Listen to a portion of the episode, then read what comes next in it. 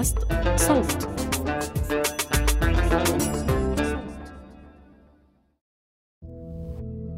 فداخل الفقه الواحد هناك مدارس وهناك اجتهادات وهناك أعلام وهذه الاجتهادات والاختلافات تبين أن ما نعتبره شريعة بين ظفرين هو في الحقيقة فقه. وفقه يعني معرفة إنسانية. وتأويل بشري لنصوص شرعية. تعالوا نبص على هذه القوانين. هنلاقي إنه قوانيننا الإسلامية مختلفة عن بعض مع إنه المفروض يعني إن المصدر واحد وهو الشريعة مش كده؟ بس هي في الحقيقة مختلفة جدا. حجم التغييرات التي عرفتها قوانين الأسرة في العالم الإسلامي يدل على أن التغيير ممكن على أن تحقيق الغايات من هذا التغيير ممكن لأن تغيير القوانين ليس امرا مطلوبا لذاته وإنما هو مطلوب من أجل الاستجابة تطلعات الإنسان تطلعات النساء تطلعات الأسر نحو العدالة. القوانين اللي ترعى شؤون الأسرة أو قوانين الأحوال الشخصية من الركائز القانونية اللي تنظم العلاقات في مجتمعاتنا. وتساهم في رسم معالم دور المرأة داخل الأسرة وخارجها. بدأت في دولنا العربية تحديدا في مصر. قبل قرن كامل تقريبا في العام 1920 وعلى الرغم من التحولات الكبيرة القانونية والمجتمعية والاقتصادية اللي شهدتها الكثير من الدول منذ ذلك الوقت إلا أن فكرة تعديل قوانين الأحوال الشخصية ما زالت حساسة وجدلية والبعض يعتبرها خط أحمر. أهلا بكم. أنا فاطمة وهذا بودكاست مساواة. في هذا البودكاست بنفتح النقاش حول ديناميكيات العلاقة في الأسرة ونفككها من منظور نسوي إسلامي. من خلال هذا البرنامج رح نتخيل شلون بإمكاننا تحقيق المساواة بين أفراد الأسرة. أيضا رح نتعمق في نماذج تعديلات قانونية. حصلت بالفعل بالاستناد إلى حجج دينية. تحديدا في حلقتنا لليوم وهي الأخيرة في سلسلتنا. بنركز على القوانين المرتبطة بالأسرة وتأثيرها على المجتمع. راح نحلل مع ضيفاتنا دور هذه القوانين في تغيير سلوكيات المجتمع وفي ضمان حقوق أفراد الأسرة بما يتناسب مع التغييرات المجتمعية.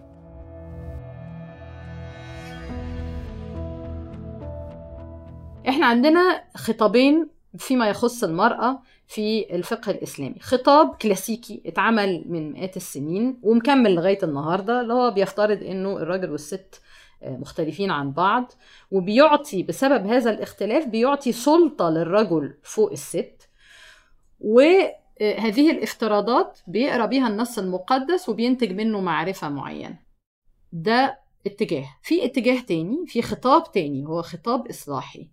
في الفقه الإسلامي بيشوف إنه النساء والرجال متساوون أمام الله وبيشوف إن هما مواطنين سواء أمام الدولة أيضا. فلما بيجي يقرأ النصوص المقدسة بيقراها بهذه الأعين وبيشوف إنه أي نعم آه في طبعا اختلافات بيولوجية بين النساء والرجال لازم إن إحنا نعمل مساحة ليها ولكن هذه الاختلافات لا تعني إن إحنا ندي سلطة لطرف فوق الآخر. أو إن طرف أحسن من الآخر. الاتنين متساويين أمام الله وأمام الدولة. فدول خطابين موجودين عندنا في الفقه الإسلامي. أنهي خطاب بقى إحنا النهاردة بناخده وبنحطه في قوانيننا؟ دي الاختيارات دي عملية سياسية بالأساس. هذه الدكتورة مروة شرف الدين عضوة اللجنة التسييرية مسؤولة بناء القدرات وخبيرة أولى للمنطقة العربية في مساواة. وهي حالياً زميلة زائرة في كلية الحقوق بجامعة هارفارد في برنامج القانون والمجتمع في العالم الإسلامي. مبدئيا في علاقة جدلية ما بين القانون والمجتمع. الاتنين بيؤثروا على بعض والاتنين بيتأثروا ببعض يعني زي البيضة أو الفرخة كده. فلما بيكون في ضغط من المجتمع إن القانون يتغير القانون في الآخر هيتغير أوكي بس في نفس الوقت لما بتفضل قوانين موجودة في نظامنا القانوني بشكل معين هي أيضا بتؤثر على فكرة هذا المجتمع عن العلاقات بين أعضاء المجتمع فالقوانين دي بتتغير إزاي؟ في الآخر إحنا يهمنا إنه القوانين اللي عندنا في منظومتنا القو... القانونية تكون قوانين عادلة بتنظم المجتمع بشكل فيه مساواة وعدالة وسلام.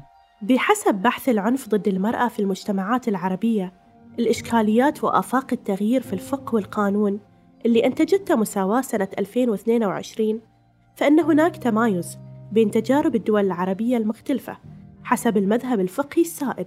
وحسب الثقافة والعادات وتوازنات القوى اللي تحكم المجتمع. وذلك بالرغم من أن هذه الدول معظمها تعلن التزامها بالإسلام والشريعة كمصدر هام ورئيسي للتشريع القانوني.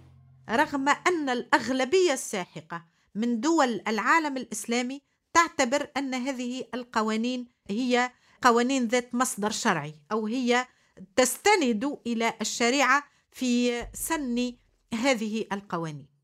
هذا الاختلاف يقوم شاهدا على أن المحدد الحقيقي بين ظفرين للأحكام سواء للأحكام أو للقوانين هو ليس المرجع الذي تستمد منه فقط بل الطريقة التي يؤول بها ذلك المرجع.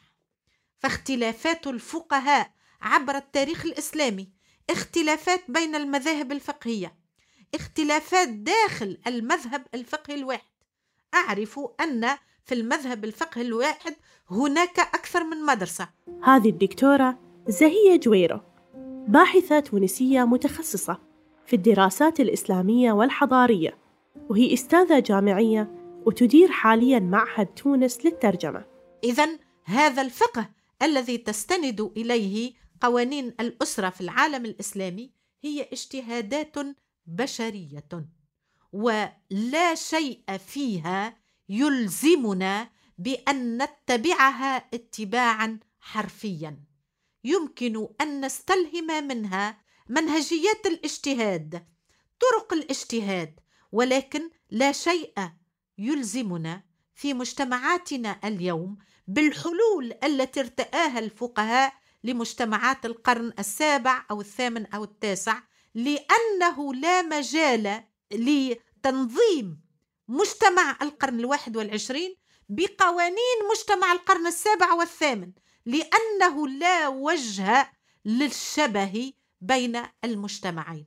إذا المنفذ الأول هو أن نستلهم من الاختلاف الفقهي منهجيات لتأويل الشريعة حتى تكون اليوم أكثر انسجاما مع طبيعة المجتمعات ومع تطلعات المسلمين إلى قوانين أكثر عدالة وأكثر مساواة وأكثر إنصاف.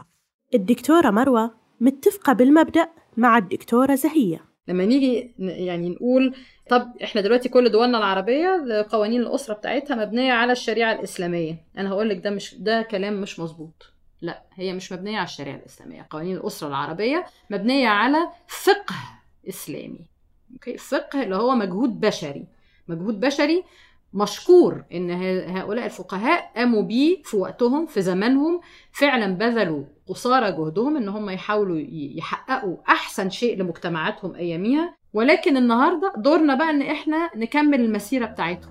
ورغم إن مصدر تشريع قوانين الأسرة هو واحد. لكن صيغة التشريع والتنفيذ مختلفة بين الدول العربية والإسلامية. الدكتورة مروة حدثتنا عن بعض الأمثلة مثل اختلاف أحكام الطلاق بين مصر والعراق وماليزيا وأيضا اختلاف أحكام الحضانة وولاية الأم على أطفالها بين مصر والجزائر ولبنان وغيرها من النماذج. مثلا نلاقي التعدد في تونس مختلف عن في المغرب. في المغرب مثلا ما معنعهوش سمحوا بيه بس أعطوا للقاضي سلطة إن هو يتأكد إن في أسباب حقيقية استثنائية تبرر هذا الزواج. أوكي. نيجي نبص في دول الخليج معظمها ما بتحطش أي شروط على تعدد الزوجات. عندهم قوانين إسلامية تحكم الأسرة ولكن شوفي في موضوع واحد قد إيه في تنوع. نفس الحاجة في ولاية الأم على الأطفال. في الجزائر سنة 2005 غيروا القانون بحيث إن الأم لها الولاية الكاملة على أطفالها. في مصر لا الأم عندها فقط الولاية التعليمية. في ماليزيا اللي هي دولة إسلامية الأم عندها فقط الولاية إنها تحكم أشياء لها علاقة بالسفر بالعلاج وبالتعليم. في العراق الأم لما تيجي تتجوز مرة أخرى من رجل مختلف تقدر تبقي على حضانتها الأطفال في لبنان ما تقدرش تعمل كده مثلا. ومش بس كده إن حضانة الطفل بتنتهي عند سن سبع سنين كمان. في مصر حضانة الطفل بتنتهي 15 سنة. فأنا بحاول أوري إزاي إن في تنوع بين هذه القوانين اللي الناس بتقول إنها مستقاة من نفس الشريعة. عشان أقول إن هي لا يا جماعة هي مستقاة من الفقه الإسلامي اللي هو مجهود بشري. رغم أن الفقه تفسيراته المنعكسة على القوانين تحتمل الصواب والخطأ إلا أن بعض القانونيين والقضاة يستغلون هذا الأمر لرفض دعاوى العنف الأسري ضد النساء. باعتبار أن الزوج يمارس حقا سليما بمقتضى الشريعة. في كثير من كليات الحقوق يدرس تأديب الزوجة كحق أصيل للزوج ويعزز ذلك بعض المواد القانونية مثل المادة 60 من قانون العقوبات المصري اللي تنص على أن لا تسري أحكام قانون العقوبات على كل فعل ارتكب بنية سليمة عملا بحق مقرر بمقتضى الشريعة. فكرة تأديب زوج لزوجته في حد ذاتها النهاردة أصبحت شيء صعب جدا إن المجتمع النهاردة يقبلها. وطبعا مهم إن إحنا نقول إنه يعني الناس اللي بتضرب ما بيضربوش علشان هم شايفين إن هم كده بيتبعوا يعني الدين. هم عشان عندهم هذا النوع من العنف جزء من يعني تكوينهم بيستندوا إلى الدين لتبريره مش العكس. تعاني الكثير من النساء في الوطن العربي. من شكل آخر من أشكال العنف وهو العنف المادي. فبمجرد انتهاء العلاقة الزوجية سواء بالوفاة أو الطلاق تجد المرأة نفسها بدون معيل أو مورد مالي رغم أنها طيلة حياتها الزوجية كانت تكد وتعمل وتساهم في النفقة وفي تدبير الأمور المالية في بيت الزوجية. من ناحية عمل المرأة داخل البيت غير مرئي وغير مدفوع وفي كثير من الأحيان غير مقدر معنويا حتى رغم أن استمرار حياة العائلة وتأمين المدخول الأساسي قائم عليه. هني تحديدا نقصد العمل الرعائي المنزلي من تنظيف وطبخ وتربية الأطفال أو الاهتمام بالمسنين في المنزل. غالبا يتوقع من النساء تأدية هذه الأنواع من المهام لأنها بنظر البعض واجب حتى لو كانت عاملة خارج المنزل. ولكن القانون شنو يقول عن حق المرأة المادي في هذه الحالة القانون في أغلب البلدان الإسلامية لا يضمن حقوق النساء في الثروة العائلية المشتركة التي تم تكوينها أو الحصول عليها أثناء قيام الحياة الزوجية. أعطيك مثال القانون المغربي ينص على أن المرأة يجب أن توفر أدلة على أن تلك الأرض مثلا أو ذلك البيت الذي تم اقتناؤه أثناء قيام الحياة الزوجية يجب أن يكون للمرأة أدلة مادية على أنها اقتنتها هي أو ساهمت في اقتنائها. من هي الزوجة في العالم العربي التي تحتفظ بوثائق تثبت أنها ساهمت في اقتناء شيء لفائدة الأسرة أو أنها اقتنته هي؟ يصعب ذلك إذا تجد النساء أنفسهن محرومات من ثروة ساهمنا في اقتنائها في اشتراكها. شاركنا في تحصيلها. اعتبر المشرع التونسي في قانون 94 لسنة 1998 والمشرع المغربي في المادة 49 من مدونة الأسرة. عمل المرأة في البيت وفي تربية الأبناء إنتاجا معنويا وماديا يسهم بشكل مباشر في تراكم الثروة الأسرية. وبالتالي فهي تستحق نصيبا من هذه الثروة المكتسبة بعد الزواج عن طريق إبرام اتفاق اختياري خاص بتدبير الأموال المكتسبة في حالة انحلال ميثاق الزوجية سواء بالطلاق أو في حالة الوفاة بنسبة معينة يتفق عليها الطرفين في وثيقة مستقلة عن عقد الزواج. فهناك إما نظام الاشتراك في الملكية إذا اختار الزوجان نظام الاشتراك في الملكية في حالات الطلاق تقسم الملكية المشتركة بالتساوي بين الزوج والزوجة.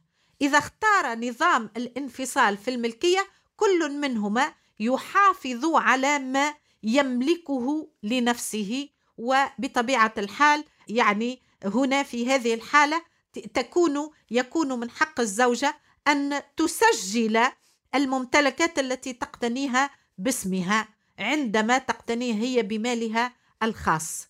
إذا هناك إمكانيات تبين وهناك سوابق تاريخية تبين أن مبدأ الإنصاف في الملكية العائلية ليس مبدأ دخيلا ولا هو مسقط ولا هو يعني مخالف للشريعة الإسلامية.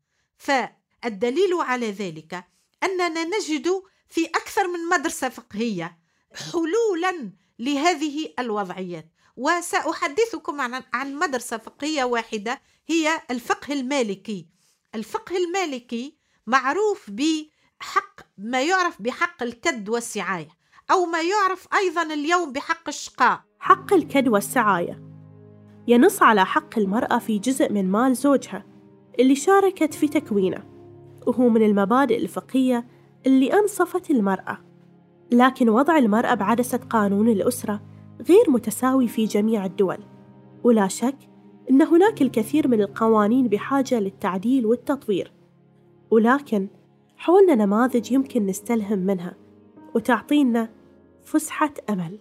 اتخذت السلطة السياسية قرارا بإصدار أول قانون عرفته تونس حتى قبل الدستور وهو مجلة الأحوال الشخصية التي صدرت في 1956 مجلة الأحوال الشخصية ألغت تعدد الزوجات أقرت بمبدأ المساواة في الاختيار الشريك أقرت بالمساواة في الطلاق يعني الكثير من الإصلاحات التي طالت مختلف القوانين قانون الحضانة قانون الإنفاق حيث أقر القانون التونسي بأن الزوجة هي أيضا من واجبها إذا كانت تملك مالا أو إذا كانت تعمل من واجبها أن تساهم في الإنفاق على العائلة.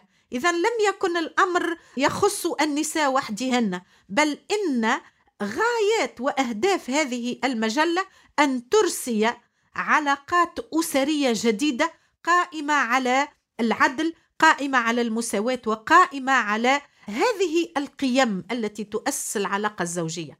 قيم التعاون قيم تكافل التضامن إلى غير ذلك قيم المودة التي نص عليها القرآن. تونس لغت خالص مسألة التعدد استنادا إلى القرآن الكريم وخلت الطلاق إنه يقع فقط داخل المحكمة. يعني ما يقدرش الراجل كده وهو قاعد يعني مع نفسه يقوم أو قدام ناس يقوم رامي يمين الطلاق على الست. لا لا يقع الطلاق إلا أمام المحكمة. وده شيء مهم جدا لأنه في ستات كتير بتلاقي نفسها في وضع هي جوزها طلقها بس ما راحش يسجل الطلاق مثلا.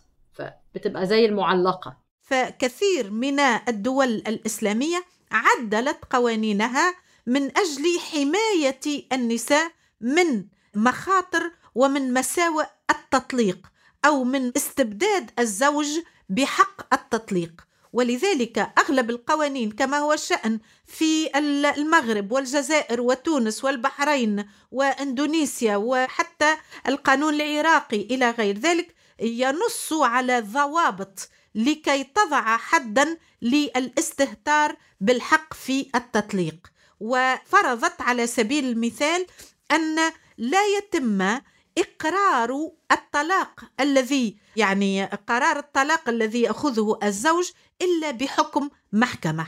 فيعني إقرار وجوب أن يكون الطلاق صادرا بحكم محكمة هو قانون وضع حدا أو حمى النساء من الاستهتار بسلطة التطليق. وفي الوقت نفسه اللي نستذكر فيه بعض القوانين التقدمية. لابد نذكر أن هناك الكثير من القوانين اللي تطمح النساء بتغييرها لأن الواقع غير عادل تماما. أنا عايزة أقول لكم إن إحنا في العالم العربي للأسف إحنا تاني أكبر منطقة في العالم كله فيها عنف الزوج على الزوجة. وده مش حاجة نستغربها طبعا بما إن عندنا ترسانة قوانين بهذا المنظر بتعطي هذا الحق. يعني.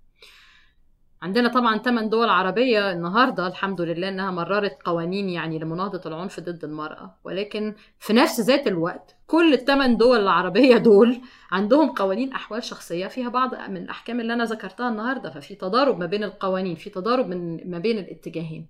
الواقع الذي نعيشه اليوم هو يدعو المشرع إلى أن يأخذ بعين الاعتبار هذه الحقائق الواقعية. لا يمكننا أن نواصل في تجاهل الحقائق الواقعية. قيم القرآن والأخلاقية القرآنية التي تقيم الزواج على المودة والرحمة والمساكنة والتي تقيم العلاقات داخل المجتمع على العدالة والإنصاف والتضامن. هذه القيم تضعنا في أزمة إزاء ضمائرنا عندما نواصل في تجاهل هذه التغيرات المجتمعية والتغيرات الاقتصادية التي فرضت على النساء الخروج إلى العمل.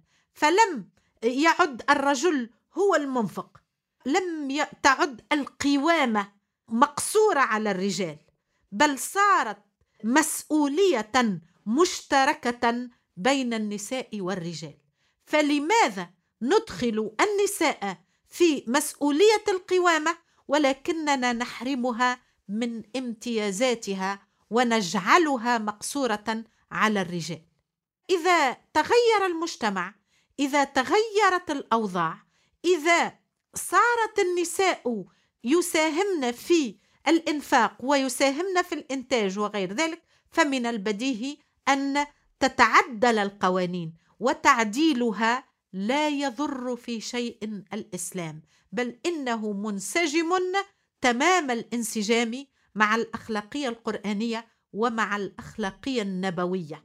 عملية الإصلاح القانونية لازم تواكب التغيرات المجتمعية والاقتصادية ويجب أن لا تقتصر على تطوير قوانين الأسرة فقط لأن حقوق النساء مو محصورة فيها.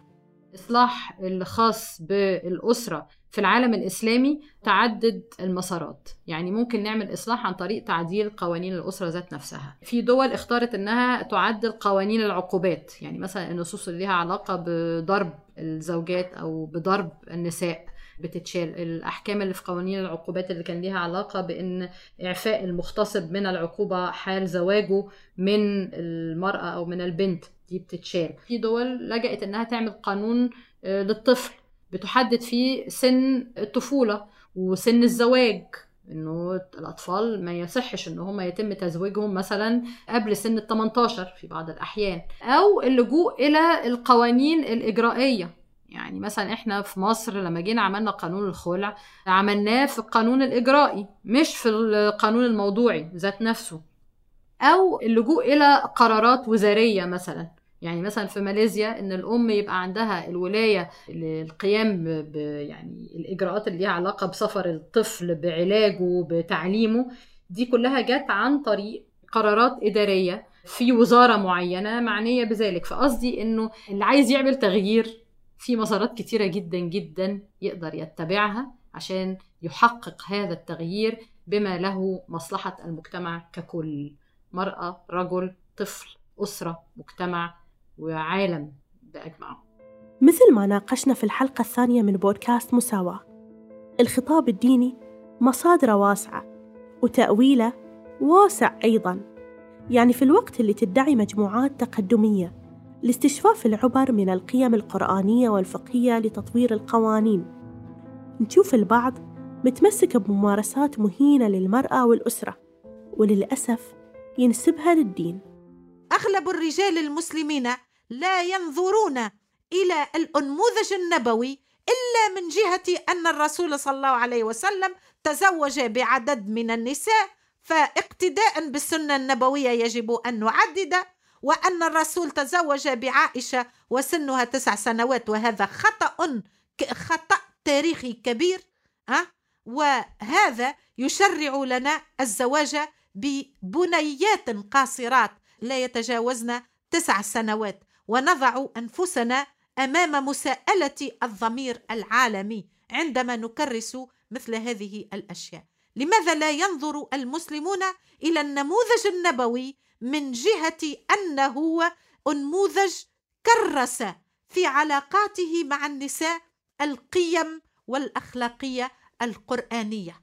فكان يحسن إليهن ويقول لا يسيء إليهن إلا لئيم. اذا الإساءة إلى النساء لؤم نهى عنه الرسول والإحسان إليهن كرم دعا إليه.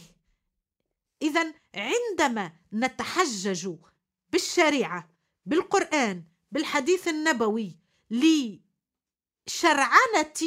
كثير من الممارسات الظالمة للنساء فنحن نناقض القيم القرآنية والأخلاقية النبوية. وأنا من موقعي هذا أدعو المسلمين إلى مراجعة أنفسهم. أدعوهم إلى أن يقرأوا القرآن من هذا المنظور القيمي وإلى أن يتمثلوا تلك القيم في سلوكهم وفي علاقاتهم بدل هذا التدين الشكلاني الذي يسيطر علينا والذي يقف عند حدود شكل اللباس والهيئة وغير ذلك. الإسلام سلوك وقيم وعلينا أن نتمثل تلك القيم في سلوكنا وفي علاقاتنا. ضيفاتنا لحد الآن يتفقون على وجود عدد من التجارب المميزة في تعديل القوانين وعلى وجود مشوار طويل للتغيير في نفس الوقت. من رأيهم إن التغيير يبدأ من إصرار الحركة النسائية والحقوقية على التأثير على المشرع لصياغة قوانين عادلة بما يتناسب مع واقع المرأة. حركة نسائية نشطة بتشتغل على قضايا المجتمع ومشاكله بتعطي صوت لمن لا صوت له بتعطي الحلول لأصحاب القرار اللي ممكن يعني يشتغلوا بيها. بتأتي أيضا من وجود ناس داخل الحكومات عندهم هذا الإيمان وهذه القناعة وهذا التوجه لفعلا حل مشاكل المجتمع بشكل حقيقي يعني. مش بس إنها لعبة سياسية ولكن أيضا في اهتمام بصلاح المجتمع. وآخر حاجة إيمان إن فعلا الدين عمره ما جه عشان يبرر عنف أو سلطة أو تراتبية بين البشر ولكن جه أشياء يعني كلها جميلة وليها علاقة بالمودة والرحمة والمساواة والعدالة والإحسان والمعروف. عندما يجتمع الأمل والمحبة يمكن أن نغير وتغيير القوانين في العالم الإسلامي وخاصة قوانين الأسرة يعني هو عمل متواصل عمل بدأ منذ أواخر القرن التاسع عشر واستمر على امتداد القرن العشرين وهو متواصل إلى اليوم. وحجم التغييرات التي عرفتها قوانين الأسرة في العالم الإسلامي يدل على أن التغيير ممكن وعلى أن تحقيق الغايات من هذا التغيير ممكن. لأن التغيير تغيير القوانين ليس أمرا مطلوبا لذاته وإنما هو مطلوب من أجل الاستجابة لتطلعات الإنسان تطلعات النساء تطلعات الأسر نحو العدالة ونحو سياق يكون مناسبا لحياة أسرية مستقرة وآمنة وقائمة على المحبة.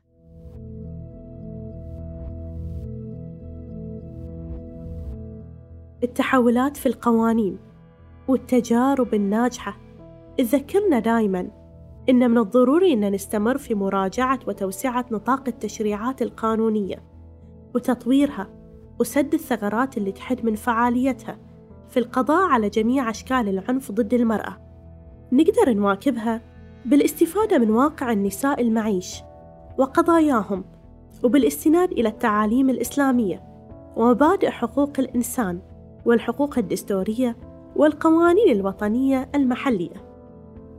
من المهم أن نستفيد من التشريعات الناجحة بمنطقتنا بالإضافة للتشريعات اللي تم تطويرها بنجاح في سياقات اجتماعية وقانونية مشابهة لمجتمعاتنا.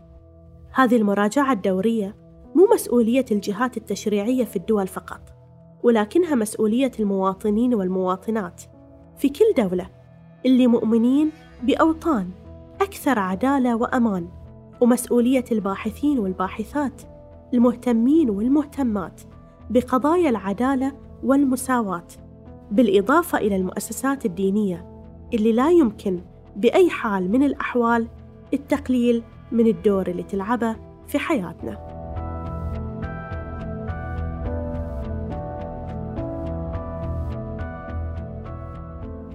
هذه كانت الحلقة الأخيرة من بودكاست مساواة اللي سلطنا فيها الضوء على جانب من حياة المرأة العربية من آلامها وآمالها في التغيير.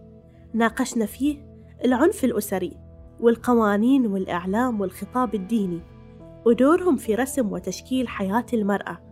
نتمنى أنكم استفدتوا معانا في هذه الرحلة اللي أصغينا فيها لنساء خبيرات في هذه المجالات المختلفة. وختاما لا ننسى أن نجعل الأمل في غد أفضل. حاضر في نفوسنا دائما. وإلى اللقاء. كنت معكم من الإعداد والتقديم أنا فاطمة. ومن الإنتاج فريق صوت. تقدرون تستمعون إلى بودكاست مساواة على التطبيقات اللي تفضلونها. بودكاست مساواة من إنتاج صوت. لا يعبر المحتوى بالضرورة عن آراء الشركة المنتجة.